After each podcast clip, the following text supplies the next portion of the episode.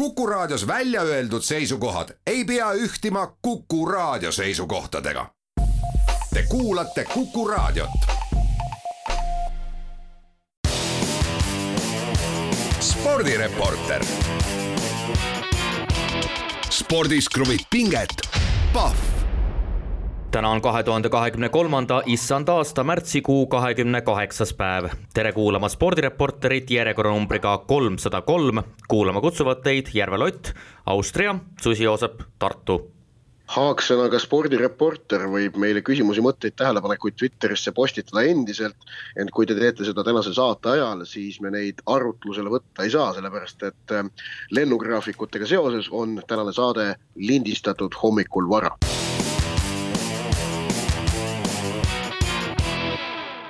aga alustame spordireporterit nagu ikka kiirete ja aktuaalsete teemadega ning teemaks number üks on sedapuhku kõige värskem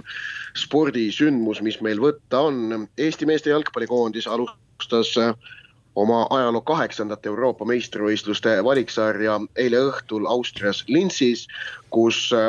kaotati kodumeeskonnale üks-kaks pärast seda, kui Rauno Sappinen oli Eesti meeskonna kahekümne viiendal minutil juhtima viinud ja esimene poolaeg oli lõppenud Eesti üks-null eduseisus suutis Austria teisel poolajal ennekõike vahetustega, näiteks toodi platsile Madridi Reali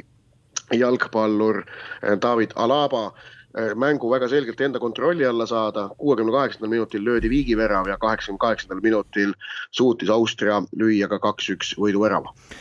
no ma natukene täpsustan ikkagi seda sinu kirjeldust, et äh, öelda, et äh, Austria sai kohtumise enda kontrolli alla teisel poolajal ennekõike seoses vahetustega, siis ma päris sellele alla ei kirjutaks, sest minu arvates esiteks tuleks öelda, et Austria sai kindlasti väga teenitud võidu,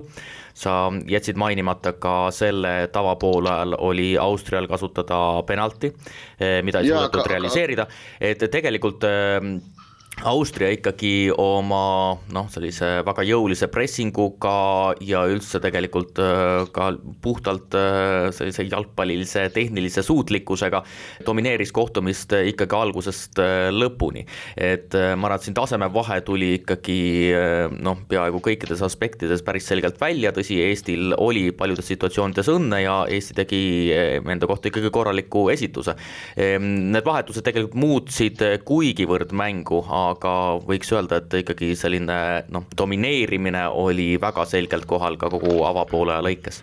penalti osas ma pean tõdema, et, et äh, nagu mul tähelepanu juhiti, et äh, Freiburgi mehed Karl Jakob Heinale penaltit sisse ei saa, ehk et äh, neljapäevases maavõistluses Roland Sallai eksis ja nüüd eksis eile siis Mikael Gregoritš penalti sooritamisel. ei noh, Austria mänguline ülekaal, sellele ei saa vastu vaielda aga, aga noh, olukord oli ikkagi pärast esimest poolega Austria jaoks täbar, nad olid, nad olid kaotusseisus ja, ja ütleme pärast seda Eesti üks-null väravat ikkagi nad avapoolel midagi nii ohtlikku tekitanud ei olnud. et, et teisel poolajal noh, Austria tegelikult tekitas ridamisi korralikke või isegi häid väravavõimalusi, esmalt Karl Jakob Hein seal päris mitu tõrjet äh, suutis teha, polnud ka austerlaste pealelöögid kõige paremad. et muidugi Austria muidugi võitis lõpuks ja, ja nende peatreener Ralf Rangnick märkis mängujärgsel pressikonverentsil, et tema meelest oli võit teenitud ja minu meelest ei saa talle vastu vaielda. see, see oli, kindlasti pidas paika, et Austria vääris seda võitu eilses mängus, aga ma arvan, et äh, noh, mulle jäi selles mõttes, kuidas öelda, natukene ikkagi selline hea tunne sisse sellest, et Eesti suutis A-divisjoni, rahvuste liiga A-divisjoni võistkonna vastu teha igati südika ja väärika partii. ehk et kui me mõtleme sellele, et Eesti vastased eelmisel hooajal, kui tuli mängida Rahvuste Liiga D-divisjonis, olid Euroopa kõige nõrgemate sekka kuuluvad võistkonnad, nagu näiteks Malta ja San Marino, kelle vastu mängiti punktide peale mänge, siis nüüd eh, esmalt maavõistlus Ungariga ja nüüd valikmäng Austriaga, need on Euroopa kuueteistkümne tugevama, mõlemad A-divisjoni sekka kuuluvad võistkonnad, kelle vastu mõlema vastu oldi mängu lõpuni sees ikkagi endiselt mängus, tõsi, kaks kaotust, null-üks ja üks-kaks aga nüüd tasemega kohaneti üpriski, üpriski edukalt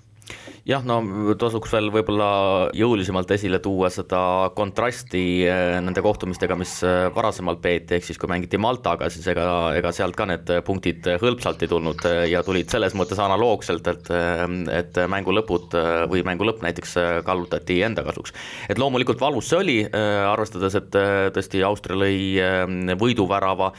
paar minutit enne kohtumise lõppu, aga, aga jah, ma ikkagi rõhutaksin seda, et siin tasemevahe oli, oli, oli, oli pidevalt väga selgelt näha. no jaa, aga ja... mis, mis selles nagu midagi uut või üllatavat on, et taseme vahe on? ei kindlasti mitte ja, ja minu arust ma ikkagi rõhutaksingi pigem äh, Austria kvaliteeti. Äh, tõsi, no võiks öelda no,. aga miks mitte rääkida Eesti kvaliteedist? Äh, ja ma rõhutaksingi Austria kvaliteeti praegu ja, ja Eesti poolelt ütleme tervikuna minu arvates tehti väga korralik esitus, ma olen nõus sellega, tõsi, ründefaas noh, paljudel iseenesestmõistetavatel põhjustel oli pisut hambutu, aga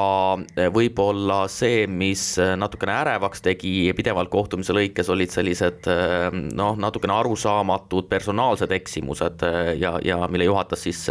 Karl-Jakob Hein kohe, kohe esimestel minutitel, kui Austrial oli võimalik pall tühja väravasse lüüa ja juhtima minna, aga tervikuna kindlasti väga hea ütleme, esituslik algus valikturniirile.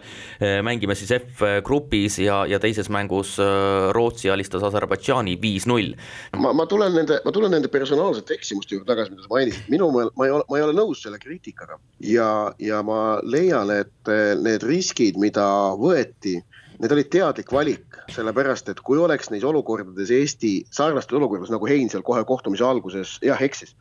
kui oleks sarnastes olukordades Eesti otsustanud läbi terve kohtumise mängida kindla peale ja mitte ainult Hein, vaid ka kaitsjad näiteks, kui nad olid surve all, äh, siis, siis oleks see mäng muutunud Eesti poolt üpriski lootusetuks. sellepärast, et niimoodi kindla peale turvaliselt asju lahendades ei ole lahendustes sees vaprust, mida on vaja et üleüldse tekiks Austria vastu võimalusi. ehk et see oli täiesti teadlik valik äh, mängida riskipiiri peal, paar korda peaaegu karistati ära, seekord kokkuvõttes äh, noh, nendest, nendest riskiolukordadest äh, sedapuhku väravaid vastane ei saavutanud, seal ka Eesti kaitsjad võtsid teadlikult riske, kusjuures, kui sa panid tähele, Karl Jakob Hein mängu lõpuni välja ei, ei, ei muutnud taktikat, ta ei hakka, ta ei hakanud varem palle klaariks lööma, vaid, vaid ta mängis ka edaspidi vastase surve all olles sellise enesekindlusega, ta on Londoni Arsenali väravvaht, ta teab, mis ta teeb. Jah, see ei ole midagi juhuslikku. nõus, üldiselt äh, nõus sellega ja, ja lisaks loomulikult sellised personaalsed eksimused äh, tekivadki olukorras, kus äh, tõesti äh, vastane ei lase sul teha seda, ma ei tea, äh, lisamõttepausi või, või, või, või lisapuudet ja nii edasi, et see pressing oli tõesti väga korralik peal, ehk siis äh, ka esimese Austria värava äh, sünnilugu on ju seotud selle Zenjovi nii-öelda ebaõnnestunud tagasisööduga, aga no seal midagi üleliia palju ette heita on, on, on ka keeruline. ja, ja kui positiivselt vaadata, siis mulle ikkagi meeldib, kui kui kuidagi mõistlikult ja samas äh, ka jõuliselt üritab äh, Eesti ikkagi pressida, võiks ikka öelda, et kogu selle kohtumise ulatuses teatud situatsioonides üritati äh, sellist meeskondlikku pressingut teha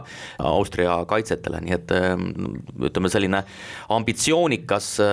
mänguplaan on kindlasti ja, ja, ja ma arvan, et ka vaadates praegust koosseisu, siis jõuetekohane no see on jah, see on optimaalne oli, ma olen nõus, eilne mänguplaan oli optimaalne, üks osa eilsest mänguplaanist oli ka see,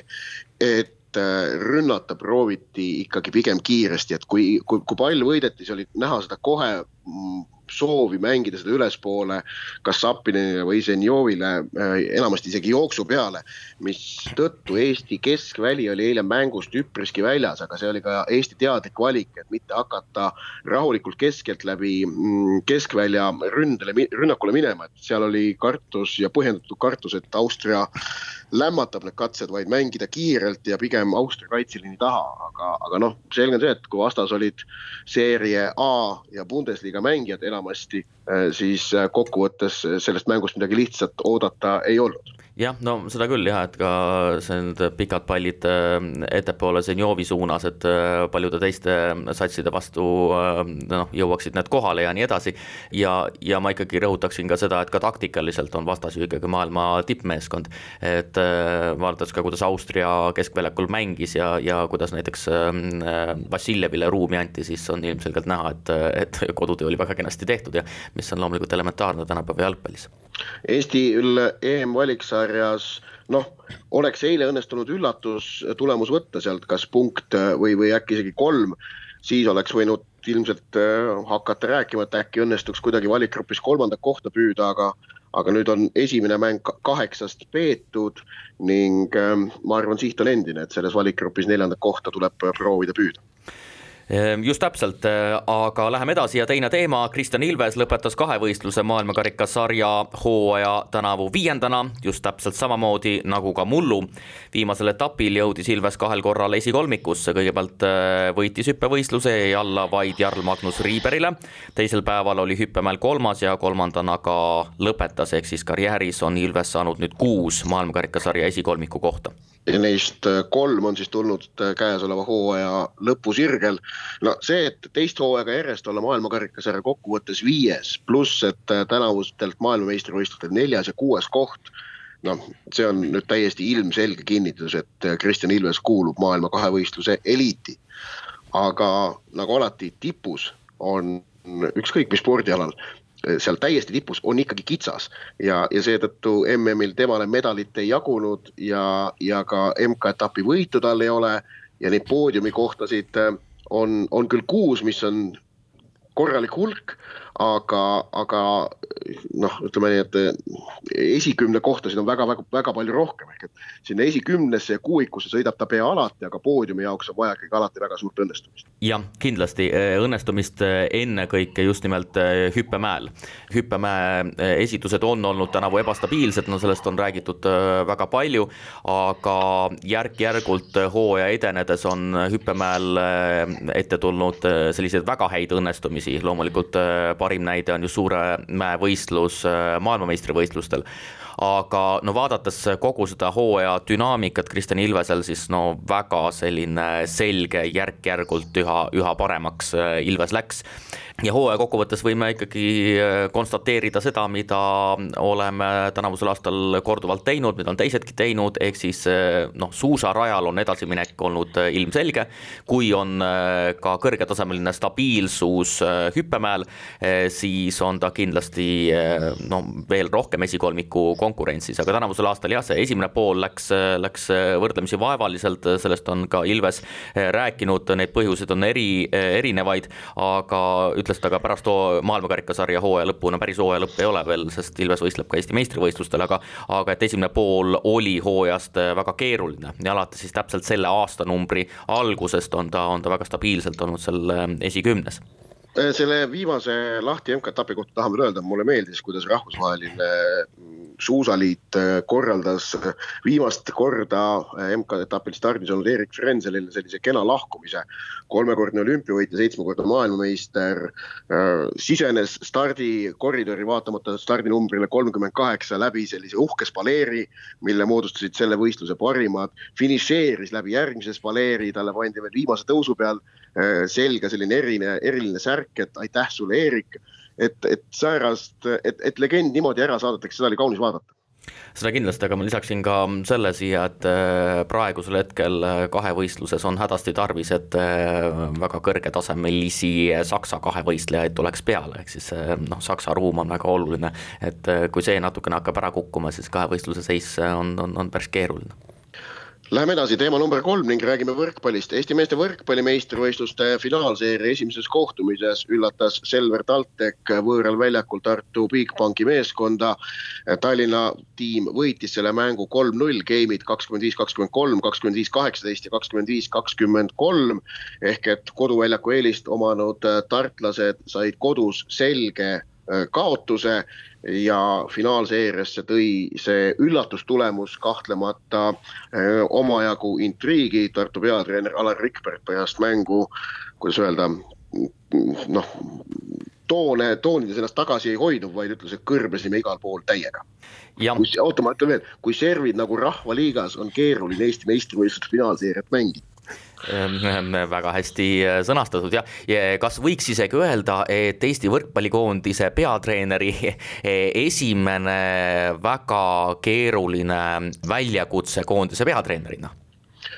no väljakutse kahtlemata ja sellega tuleb nõus olla, sest noh, Tartu ikkagi seda seeriat favoriidina alustas. samas nüüd põhiturniiri mm, tabelit vaadates ei ole seal Tartul mingit noh, sellist tohutut ülekaalu Selveri ees. põhiturniiril Tartul kahekümne neljast mängust kakskümmend võitu, Selver TalTechil kahekümne neljast mängust kaheksateist võitu. et seal see, see ei ole nende, nende võistkondade vahel ei ole mingi selline tohutu Äh, tasemevahe põhiturniiri tulemuste põhjal. et, et mulle tunnet siin nagu Tartu Bigbanki puhul natukene mängib veel see isegi äkki isegi see noh, eelmise hooaja, hooaja võimsus kus nad olid teistest selgelt üle, et tänavu on ju kogu see supp olnud ikkagi oluliselt ühtlasem ning eks äkki Rikbergi enda maine ja staatus ka teeb, teeb Äh, Bigbankis selle suure soosiku, on ju. et, et äkki on, ütleme ühesõnaga, äkki on Tartu natukene ülehinnatud selle kon-, äh, finaalseeria kontekstis. nojah, aga mm, selge on ka see, et Tartul kaks tiitlit on juba olemas, et äh, siin võrdsuse huvides, mis on Eesti võrkpallile tavaks saanud, siis oleks hea jagada ka teistele natukene tiitleid, tõsi, ikkagi mul on tunne, et vaadates Tartu esitusi üldiselt, no Tartu tegi väga-väga kehva mängu, et et äh, ma millegipärast ei usu, et Tartu veel korra niivõrd kesiselt mängib jah, et, äh, et ma arvan, et suudetakse oma tase äh, leida uuesti. Jah, enne seda esimest finaalmängu oli Tartu siis sel hooajal Selveri vastu mängudega neli-üks peal, aga finaalseerias algas kõik nullist ja nüüd juhib Selver üks-null, nii et on, on intriigi selles võrkpalli finaalseerias kõvasti, et ma arvan, et see tulemus seeriale ja ka Eesti klubi võrkpallile tuli selles mõttes väga kasuks, et äh, ma usun, et see finaalseeria saab nüüd oluliselt rohkem tähelepanu, intriig on üleval. Ja läheme edasi, neljas teema, kui võrkpallist rääkisime, siis räägime korvpallist, nimelt BC Kalev Cramo peab homme FIBA Euroopa karika sarjas poolfinaali avamängu, kui võõrustab Tondiraba jäähallis Prantsusmaa kõrgliigas kolmandal kohal olevat meeskonda Cholet tegemist on siis Eesti klubi korvpalli teise äh, puhuga, kui ollakse eurosarja poolfinaalis, sellega sai hakkama ka Tartu Rock äh, kahe tuhande kaheksanda aasta kevadel kui, äh, kui nemad jõudsid sellesama sarja FIBA Europe Cup poolfinaali, tõsi, toona oli tegemist tugevuselt kolmanda eurosarjaga, praegu on ta tugevuselt neljas eurosari. aga ma sinna detaili liigselt kinni ei jääks, vaid, vaid rõhutaks, et poolfinaali jõudmine eurosarjas on Eesti klubi spordis või pallimängude kontekstis noh, harukordne sündmus ja väga-väga kõva saavutus. Eh, mulle meeldib see, et Kalev viis selle mängu Tondiraba spordihalli, et, et ma ja ma loodan, et nad suudavad selle ka välja müüa. pingutavad kõvasti säär- ja, ja, ja noh, aga nii peabki, et säärastest sündmustest tuleb võtta maksimum ja kuna, kuna Unibet Arena oli, oli maadlussündmusega juba ette pikalt teada hõivatud ja broneeritud, siis Tondiraba oli see kõige mõistlikum lahendus, et, et Kalevi spordihall on tore ja, ja tähtis Eestis, aga oleks olnud kahju, kui eurosarja poolfinaal mängitakse tuhande seitsmesaja pealtvaataja ees ainult jah, nagu ma olen aru saanud, siis äh, neljast järelejäänud meeskonnast võiks öelda, et äh, Cholet, no ikkagi kõige nimekam või vähemasti ikkagi Prantsusmaa liiga äh, tippu kuuluv sats, loomulikult siin majanduslikud võimalused pole üldse võrreldavad, aga, aga natukene kindlasti võiks väga põgusalt võrrelda selle hooajaga kaks tuhat seitse, kaks tuhat kaheksa, paljud on öelnud, et noh, et ei tasu võrrelda, et need kontekstid on väga erinevad, aga võib-olla vastuvõtu poolest ütleme, no siis, kui Tartu Üllar Kerde käe all pääses pääses Final Fouri, praegu küll Final Fouri otseselt ei mängita eh, siis eh, no oli see eufooria ikkagi väga suur eh, ja, ja olukord oli selles mõttes väga uudne. nii et praegu võib-olla seda niivõrd palju ei ole, aga nüüd võiks öelda, et see on kuidagi vaadates, mismoodi on Eesti korvpalliklubid arenenud, siis kuidagi loogilisem jällegi jah, või kuidas sulle tundub? Jaa, ei, ei, ei, vaidle, ei vaidle sulle praegu üldse vastu, mõtlesin, et konteksti andmiseks olgu öeldud ka teise poolfinaalpaari osalised, nendeks on Soome klubi Kauhajoki Karhu Basket ning Poolast mm, Wlocławeki Anvil. ehk et eh, see on siis see FIBA Europe Cupi ütleme niimoodi kontekst, et, et ja, ja Soome ja Poola klubid said veerandfinaalides jagu vastavalt Portugali ja Türgi klubidest. et, et, et nüüd on Kalevit ootamas ees noh, kahtlemata väga suur katsumus, kui nad ja, ja, ja noh, ilmselgelt on, on Cholet selle, selle paari soosik ja, aga samas olukorras, kus vastase eelarve on väga palju suurem, pole Kalev Cramo jaoks mitte midagi üllatavat, et ta on terve eurohooaja läbi mänginud endast rikkamate klubide vastu ja nagu näha, Heiko Rannula on suutnud selle meeskonna korduvalt ikka ja jälle võitudeni juhendada. jah, ja nüüd äh, Tallinnas viibivatel inimestel on homme õhtul äh, päris äh, raske ülesanne, et valida, kuhu suunas sammud seada, kas võrkpalli vaatama või korvpalli? Spordireporter spordis kruvib pinget, Pahv. spordireporter jätkab ning teemaks number viis on vehklemisskandaal. ma ei kujuta ette, mitmendat korda me spordireporteri ajaloos räägime Eesti vehklemises aset leidvatest äh, skandaalsetest juhtumitest, see, see, see lugemine on meil ammu sassi läinud, sest seda on tulnud ette äh, kahetsusväärselt sageli meie kolmesaja kolme saate jooksul. on, on, on, on sinu counter ütleb kakskümmend seitse. umbes nii jah ja, aga äh, Tallinnas nädalavahetusel peetud noorte vehklemisturniiril Anastasia Kapp osales U kaksteist vanuseklassis tüdrukute turniiril vehkleja, kes kandis Venemaa lipuvärvides vehklemismaski. ilmnes, et tegu oli olümpiavõitja ja Eesti Vehklemisliidu juhatuse liikme ning märtsi alguses toimunud Riigikogu valimistel Keskerakonna nimekirjas kandideerinud Irina Embrichi õpilasega. ma tõin selle valimiste nüansi praegu sisse põhjusel, et, et, et see küsimus on selgelt ka seotud noh, see, see on seotud poliitilise, spordi ja poliitika seosega, et, et sellepärast oli minu arust oluline see ära märkida. Ehm, ja, ja sellele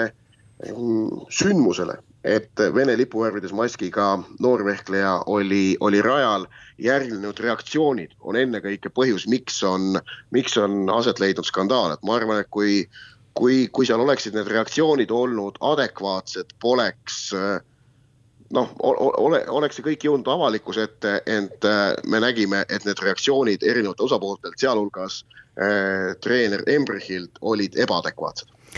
jah, no alustada võiks ikkagi sellest, et ma ütleks, et skandaalne on ikkagi see, et Eestis äh, sportlane kannab sellise elemendiga spordirõivastust, et see on juba põhimõtteliselt skandaalne. esimene tasand on loomulikult väga selge, et tegemist on niivõrd noore sportlasega, et sportlasele endale midagi süüks panna ei, ei ole võimalik. Äh, absoluutselt, lap-, lap-, see, see on väga tähtis, et laps ise ei ole mitte milleski süüdi, tema ei pea neid küsimusi lahendama. jah, et tegemist ei ole siin isegi noh, sellise kuueteist-seitsmeteistaastase sportlasega, vaid veel noorema sportlasega sportlasega, nii et jätame selle kõrvale. loomulikult on kahetsusväärne, et niivõrd noor sportlane on või spordiharrastaja on seotud sellise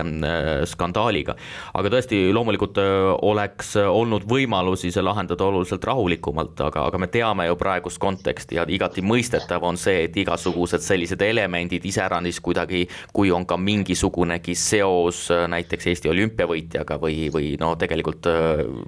see ei olegi isegi isegi oluline, selline väike element on praegu vastuvõetamatu jah, et võistlustel ei, ei, ei tohi esineda sellist asja, lihtsalt see on, see on nii põhimõtteline küsimus. ja need reaktsioonid tõesti hiljem ka, ka, ka meedias on olnud no väga kummalised jah, et öelda, et, et miks see no, meediasse jõudis näiteks noh, jah. Jah, Embrichit soovin tsiteerida tema intervjuu Postimehele. Eh, see tüdruk kolis perekonnaga kaks aastat tagasi Eestisse ning on sellest ajast saati minu klubis treeninud, selle maski võttis ta endaga kaasa ja on kogu aeg sellega trenni teinud. oleks keegi protesti esitanud või midagi saalis öelnud, siis ma andnuks talle teise maski, kuid keegi ei pöördunud minu poole, mul polnud see endal ausalt öeldes isegi mõttes, olen harjunud, et ta teeb selles maskis trenni, ta on kümneaastane, kas ma pean talt maski peast ära võtma, ta on alles laps, siin pole mõtet midagi teha. oleks siis keegi öelnud, et palun, see mask segab meid, vahetage ära see inimene, kes postitas pildi minu õpilasest Facebooki, ei olnud ise saalis ja ei soovinud probleemi lahendada, tema eesmärk on konflikti tekitada, häbi talle sellise käitumise eest. oli Irina Embrichi tsitaat siis äh, Postimehele nojah, eh, võiks öelda, et täiesti arusaamatu kommentaar, et praegusel hetkel ainus eh, kommentaar, mis oleks eh, nii-öelda mõi-, mõistupärane ikkagi seotud sellega, et et jah, siin tehti päris pirakas fopaa ja, ja tegelikult kas treener või, või siis lähikondsed oleks pidanud kohe ise tähelepanu pöörama sellele, no ikkagi Vene lipuvärviga, noh siis siin, siin ei ole mingit küsimust jah, et, et siin ikkagi treener ei oleks pidanud ära kiskuma seda maski kindlasti oma õpilaselt, vaid peaksid tegema seda, mida, mida Embrich pakkus välja, et kui keegi oleks, keegi teine oleks pöördunud, siis oleks ta seda teinud, oleks, oleks võinud lihtsalt teise maski panna, ongi, ongi kõik, et öelda, et siin kirutakse kuidagi häbiväärselt intriigi, no intriig on juba põhimõtteliselt üleval siin ja no ma, ma tsiteerin veel Embrichit Delfile antud intervjuus ei saagi aru, kas tahetakse provokatsiooniskandaali või lahendada olukord normaalsel moel. Ta on ju laps ega tee mingit poliitikat, jah, Venemaa teema on Eestis tõesti tundlikum, kui arvasin. õpilane võtab nüüd uue maski, aga mis sellest muutub? probleemid on märksa suuremad kui üks mask. no, no tegelikult see ikkagi kumab välja täielik, täielik arusaamatus Irina Embrechi poolt, et ta ei, ta ei teadvusta ei minu meelest enda rolli. ta on olümpiavõitja ta on, ta on Eesti spordis väga prominentne tegelane, ta on, ta on ühiskonnaelus oluline tegelane, kelle sõnal ja teol on kaalu tegelikult tänu tema sportlikele saavutustele. ja, ja noh, ta ikkagi ei taju ka ikkagi üldse seda üldimat, üldisemat konteksti, kus praegu ollakse. et, et noh, Venemaa on vaenlane, Venemaa on halb ja, ja spordis samamoodi ning, ning noh, kahjuks ta ei suutnud siin adekvaatselt üldse, ei ole suutnud reageerida ega, ega tegutseda ega asju otsustada probleemide mm, nii-öelda allikaid äh, hakata otsima väljaspoolt, et praegusel hetkel ei, ei, ei ole justkui kohane või et äh, praegusel hetkel on väga selge, et äh, lihtsalt seda elementi poleks seal pidanud olema. ja selle mm -hmm. skandaali oleks võinud nii Vehklemisliit kui ka Embrich tegelikult noh, oluliselt lihtsamalt lahendada ise. väga selge vabandus, et tõesti sellist, sellist maski poleks pidanud olema ja tegelikult siis oleks olukord väga selgelt ka või väga lihtsalt, ma kujutan ette, ikkagi lahenenud aga tegemist on loomulikult äh, juba ju mitmenda olukorraga, kus Eesti tippsportlased, äh, no võiks ikkagi öelda, mitte otseselt võistlussituatsioonis, vaid võistlusväliselt on olnud olukorras, äh, kus noh, üks või teine tegu on või, või siis tegemata jätmine on kaasa toonud väga suure skandaali seoses just nimelt Venemaa, Venemaaga või siis Venemaa sportlastega või sportlasega või siis Venemaa treeneriga, ehk siis pean silmas loomulikult jalgpallurite fotoskandaali ja, ja, ja see kuidagi kajab siin kaasa Need äh, tekivad selged paralleelid ja absoluutselt siin ei ole, siin ei ole midagi vaielda. sellel turniiril oli veel teine aspekt ka, et, et oli veel, juhtus ka see, et selle turniiri peakorraldaja oli treener Jevgeni Karavajev, kes on vehklemisliidu juhatuse liige ja kelle noh, tegevusele olid seal ka suured etteheited, et muuhulgas, et ta ei olevat rääkinud äh, lastega, kes tema käest midagi uurisid eesti keeles, vaid, vaid vene keeles ja no ühesõnaga seal, seal oli veel teine skandaali nüanss juures, ähm, aga, aga sa tõid välja selle paralleeli äh, jalgpallurite fotoskandaaliga ning sama asja tõi välja ka äh, venekeelse Postimehe ajakirjanik äh, Pavel Sobolev oma arvamusloos, mille ta on eile pärastlõunal Postimehe venekeelses võrguväljaandes avaldanud. Ning, ning ütleb seal ta, et näiteks Konstantin Vassiljev äh, pidi vabandama selle sobimatu foto eest, äh, on mõeldamatu, et Irina Embrich ei oleks seda lugu tähele pannud ja see muudab veel arusaamatumaks, kuidas ta ei suutnud sellest teha õigeid järeldusi ning, ning ennast riskide eest kaitsta, noh, on, see on, see on nüüd tsitaat sellest Sobolevi arvamusartiklist siin on ikkagi kaks tasandit, mis tuleb e-, eristada, et äh, alguses loomulikult oleks kõige parem, kui üldse sellist intsidenti, nii-öelda intsidenti poleks juhtunud. Äh, see on esimene asi, aga äh, olgu peale, juhtus, siis küsimus ongi selles, mismoodi ma reageerin sellele või missuguseid sõnumeid ma, ma edastan. just nimelt sellise tähtsusega isiku poolt, olümpiavõitja Irina Embrich, tõesti Eesti spordiloo üks edukamaid sportlasi. Muideks jah üldse. Kindlasti just nimelt see sõnumi äh, osakaal on hästi, äh, hästi oluline, et äh, missuguseid nii-öelda impulsse ma ühiskonnale annan ja kuidas ma näitan, et ma mõtestan seda situatsiooni. Ja praegu tundub, et kas Embrich ei mõtesta üldse seda situatsiooni või, või, või miks see reaktsioon avalikkuses väga plahvatuslikult tekkis. või siis, või siis ta mõte, mõtestab, aga kuidagi teistmoodi, jah jah, vaat siin on veel üks väga selge ühenduspunkt selle jalgpallurite fotoskandaali ja nüüd selle vehklemisjuhtumi vahel. et see tegu ise ei olegi juba mm, enam see põhiline äh, pahameele allikas, vaid põhiliseks pahameele allikaks on saanud asjaosaliste reaktsioonid just nimelt, nüüd aga teeme väikese pausi ja võtame ette kuulajatelt laekunud küsimused. spordireporter. Spordis kruvib pinget, Pahv spordireporter jätkab, Joosep Susi jätkuvalt Kuku raadio Tartu stuudios, mina Ott Järvela äh, Austrias Linsis vaatamas kaunist linnapanoraami, millele hommikupäike oma esimesi kiirgi heidab. ja Austria jaoks on see siis võidukas äh, panoraam, sellepärast et nad eile õhtul siin linnas kaks-üks Eesti meeskonda võitsid. aga tuleme liigume küsimuste juurde ning alustame Marti küsimusest, ähm, mis seotud mõnevõrra meie saate siis eelmise äh, teise osa teemaga. Marti tahab teada, kui kaua me veel venemeelseid sportlasi ja treenereid Eestit esindamas tolereerime? Konstantin Vassiljev on endiselt koondise kapten ja mina keeldun nii kaua koondise mänge vaatamast. Irina Embrichil jääb veel õigust ülegi olukorras, kus ta õpilane agressori sümboolikat kannab jah, no minu arvates on võib-olla ikkagi natukene kummaline jätta Eesti jalgpallikoondise mängud vaatamata seetõttu, et koondise kapten on Konstantin Vassiljev ja, ja minu arvates olgugi, et neid paralleele kahe olukorra vahel on, siis no päris võrdusmärki nendele vahele ju panna ei saa ikkagi. jah, ja minu arvates ka retoorikas on erinevused päris suured. liiati, nagu me teame, Konstantin Vassiljev kohtus ka Eesti jalgpallikoondise fännidega ja, ja ma arvan, et et koondise siseselt ka väga suuri eh, probleeme selles osas ei ole ja ega ma arvan, et ka jalgpalliringkondades väga palju ei kahelda näiteks Vassiljevi lojaalsuses ja nii edasi. küll aga nagu ma aru saan, siin kuulujutud, kuulujutud nii-öelda räägivad, et võib-olla vehklemisringkondades on, on Embrichi nii-öelda väljaütlemistel vaadatud natukene kriitilisema pilguga ka tema naiskonnakaaslaste poolt jah, aga, aga sinna selle Marti küsimuse üks no, selge laetud osa on see, et, et ta tituleerib Vassiljevi ja Embrichi venemeelseks. seda ma ei saa öelda.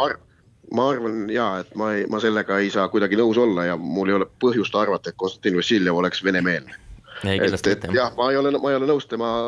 tema käitumise ja, ja, ja juttudega selle fotoskandaali asjus, aga venemeelseks ma teda kindlasti ei pea. ma arvan, et see ei ole aus öelda tema kohta niimoodi jah, ja, ja, ja ütleme, arvestades eh, Eesti spordivälja, siis eh, lõppeks eh, see vastus on mingis mõttes väga lihtne. et Eesti spordis on väga palju venemeelseid sportlaseid ja treenereid nagunii, arvestades puhtalt, kus me paikneme ja, ja nii, et mingil määral me tolereerime neid kogu aeg, aga küsimus ongi pigem reaktsioonides jällegi, et äh, kui äh, ühelt või teiselt sportlaselt, treenerilt äh, tuleb selline praegusel hetkel radikaalselt sobimatu väljaütlemine või reaktsioon, et seda me ei tohiks tolereerida. Läheme küsimustega edasi. Lauri on esitanud küsimuse, miks Varr Ungari kasuks ja Eesti kahjuks penalti määras, see polnud ju ilmselge eksimus kohtunikult jutt puudutab siis neljapäevast maavõistlust Budapestis, esiteks ma pean jällegi küsimust korrigeerima. Varr ei määra penalteid. oota, ma, ma kohe segan vahele natukene. E, tõsi, e, see on e, selge, et otseselt reeglite järgi ta ei määra, sest määramiskohustus on loomulikult peakohtunikul, aga praegusel hetkel, nagu me näeme, on tekkinud situatsioon, kus Varr peaks Eh, siis kohtuniku ikkagi kutsuma telekat vaatama. Eh, olukorras, kus eh, viga on ilmselge, nii et selles hetkes ikkagi varikohtunik on otsuse langetanud ja ega peakohtunikul põhimõtteliselt õigus on ju see ümber hinnata, aga, aga no ei ole no vist paari juhtumit ainult tean viimasest aastast, kus see on äh, juhtunud, aga, aga väga-väga no harva, näiteks, kui me võtame Inglismaa Premier League'i näite, siis seal on kohtunikud äh, sel hooajal üha julgemalt äh, hakanud varri soovi korral ka eirama, seda varri soovitust. aga, aga sellest penalti intsidendist Budapesti mängus rääkides, see oli siis teisel poolajal, kui Nikita Baranov tegi, tegi vastase ründajale vea, seal ütleme nii, et kui oleks olnud selles olukorras ainult see lükkamine, äh, Baranov natukene tõukas vastast selga, siis ma arvan, videokohtunik sekkunud ei oleks. aga selles olukorras vea põhjus ja mida peakohtunik ka pärast korduse vaatamist väga selgelt näitas ja põhjendas, oli see, et Baranov astus ka vastasele jala peale ja jala peale astumine on, on asi, mida jalgpallis noh, eriti viimase kolme aasta jooksul on väga konkreetselt hakatud igal pool ära ka karistama ja, ja tegelikult see oli ilmselge penalti viga, seal ei olnud midagi vaielda. ja minu meelest äh, noh, igati loogiline, et Varr sekkus, igati loogiline, peakohtunik selle penalti Eestile andis ja siis Karl Jakob Hein tõrjus selle penalti. jah, siin on äh, kaks minu arust olulist külge, mis sa välja tõid, esiteks tõesti, et jala peale astumine tulekski veana, veana määratleda, sest, sest jube keeruline on edasi mängida, kui keegi sulle jala peale astub puhtalt noh, see on, see on no, selge, jah, aga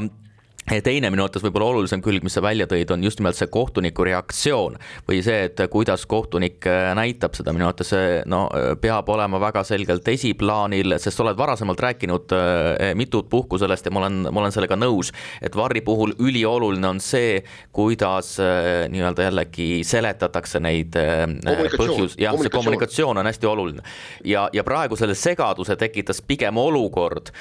kus ekraanil polnud näha täpselt, milles küsimus on on. Ehm, et, et see tõukamine ei olnud justkui penalti viga. Teiseks ka see, et kohtunik justkui alguses ka pärast teleka vaatamist ei, ei tahtnud seda eh, penaltit kohe määrata. Ja, ja ühesõnaga seal nagu sellist ebakindlust oli väga palju, aga, aga just nimelt see kohtuniku reaktsioon jah, et, et, et see peab olema ka noh, see on ka režissööri ülesanne näiteks, et näita ikka suurelt su,, suurelt seda, näita kasvõi korduses seda ja nii edasi, ehk siis peaks olema puust ja punasest selgeks, miks ikkagi see penalti määrati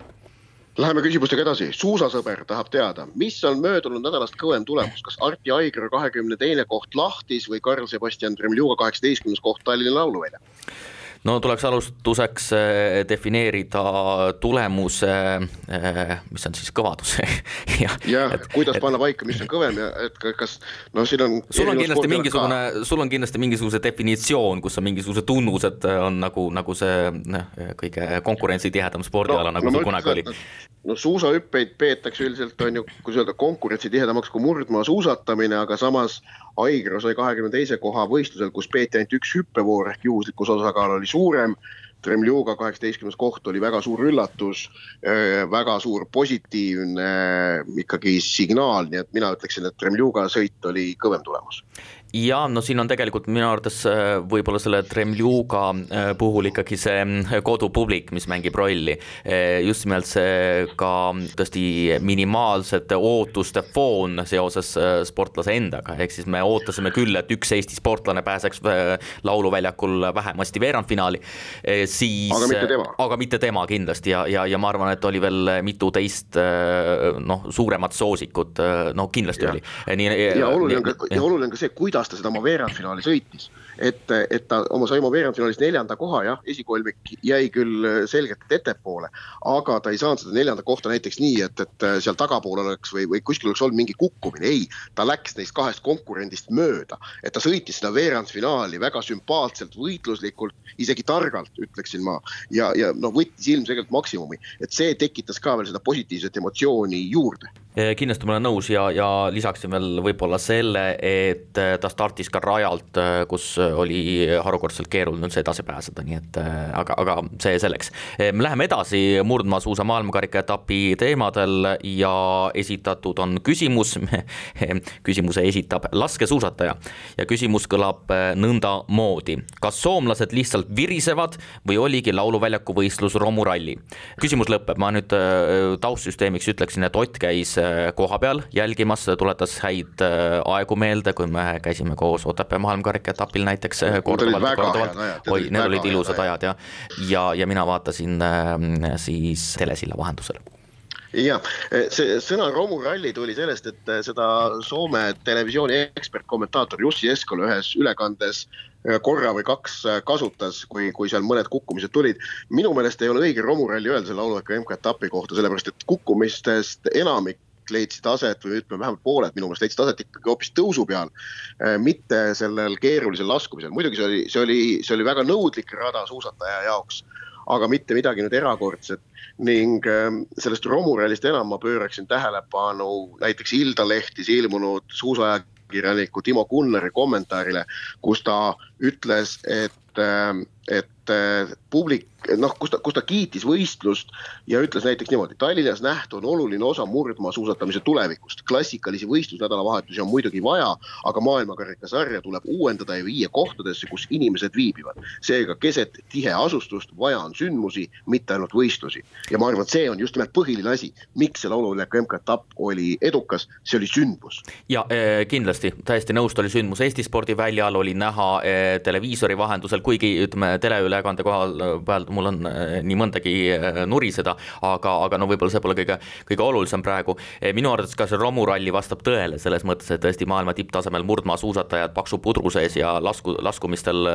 kõigil oli ikkagi probleeme püstiseismisega. hoopis omaette küsimus on see, et kas seda oleks saanud kuidagi vältida, vaadates, missugune temperatuur väljas on ja nii edasi. et tervikuna sündmusena loomulikult igati õnnestunud ja, ja see, et tegemist teatud mõttes oli loomulikult tugeva metafoorsusega romuralliga vastab ka minu arvates tõele ja mõlemad äh, kehtivad. aga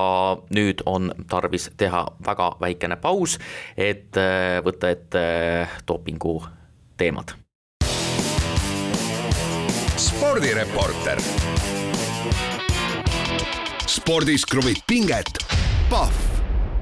spordireporter alustab oma lõpusirgega ning me räägime saate lõpetuseks dopingust seoses sellega, et meil on laekunud nädala jooksul kaks veidikene pikemat lugejakirja, mis äh, mõlemad puudutavad erinevaid dopingujuhtumeid ja nende kohta nii meie saates kui ka mujal eetris avaldatud arvamusi ning üleüldse äh, arutlevad selle üle, kuidas peaks dopingukaristuse saanud sportlastesse suhtuma avalikkuses. esmalt äh, laekus kiri seoses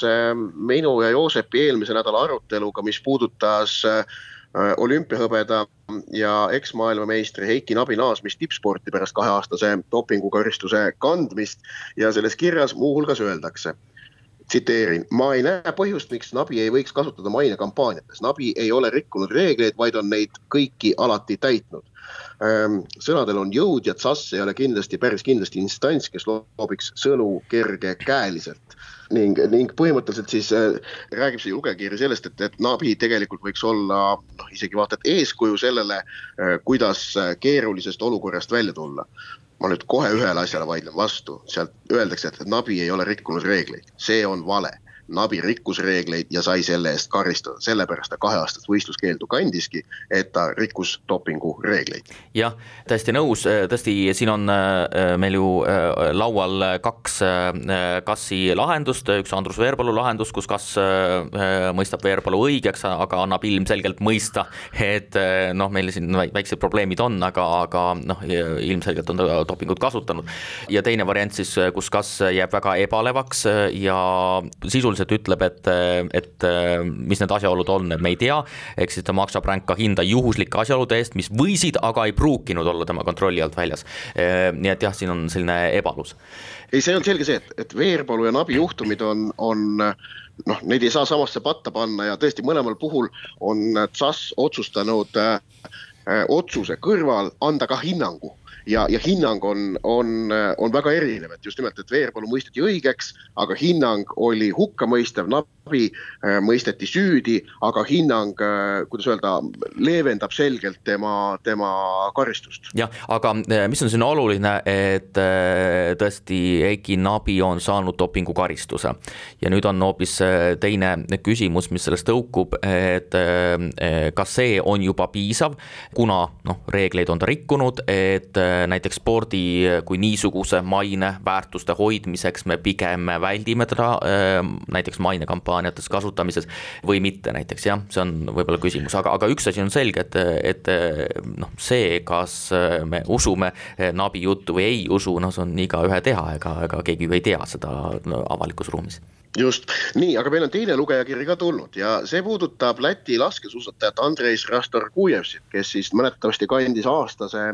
dopingukaristuse seoses sellega, et ta jäi jäi, ei olnud kättesaadav kolmeks erinevaks dopinguprooviks, mis äh, tähendab dopingu rikkumist. kuulajakiri ütleb.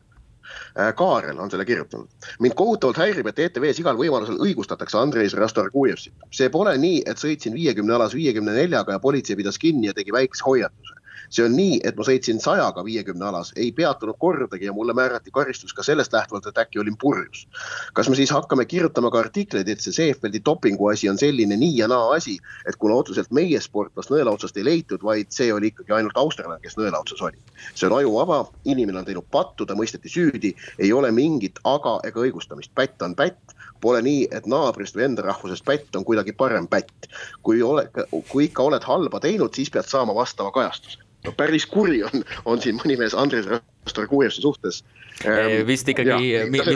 mitte äh, Rastrogujevsi suhtes, vaid ikka nende reaktsioonide suhtes ollakse äh, ennemini ikkagi kriitiline. aga no siin tuleb eristada, et need kaks juhtumit on ju erinevad, Rastrogujevs otseselt äh, keelatud ainete tarvitamisega pole vahele jäänud. aga tõesti dopingureegleid on ta väga selgelt rikkunud, jah, see on selge. et miks selline reaktsioon, no mina ütlen ikkagi nii, et loomulikult üks osa on see, et puhtalt jah, ütleme selline reaktsioon spordiväljal võiks olla selline, et me ikkagi igal võimalikul juhul eh, rõhutame seda puhta spordi vajalikkust, see on hästi, hästi-hästi oluline. aga eh, teiselt poolt inimene on eh, oma karistuse kandnud, karistusperiood on läbi, nii et noh, tegelikult nüüd on ta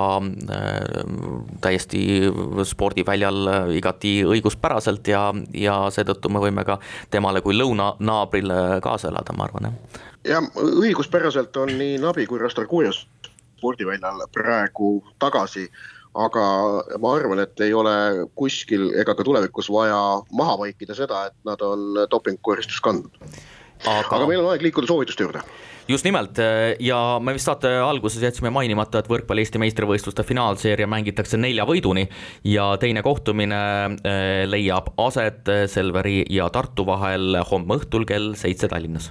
jah, homme õhtul kell pool kaheksa Tallinnas mängib Kalev Cramo oma eurosarja poolfinaalis Cholega, nii et äh, spordisõpradel on raske valik, aga kindlasti minge saali vaatama, kui vähegi võimalik. meie saadet jääb aga lõpetama Johann Straussi Radetski marss, mida oleme harjunud kuulama ja nautima Viini uusaasta kontserdi lõpus, ent Austrias tuleb välja, tarvitatakse seda teistelgi puhkudel. näiteks eile juhatati just selle palaga sisse staadionil Austria-Eesti Euroopa meistrivõistluste valikmäng jalgpallis.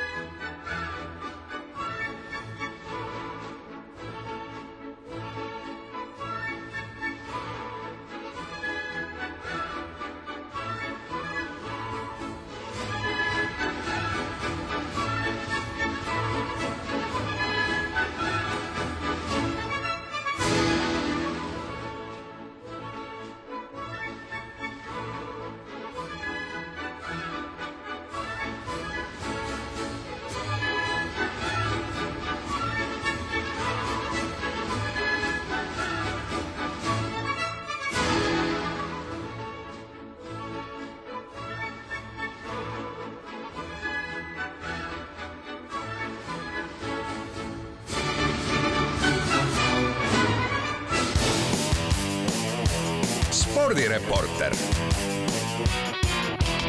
spordis kruvib pinget,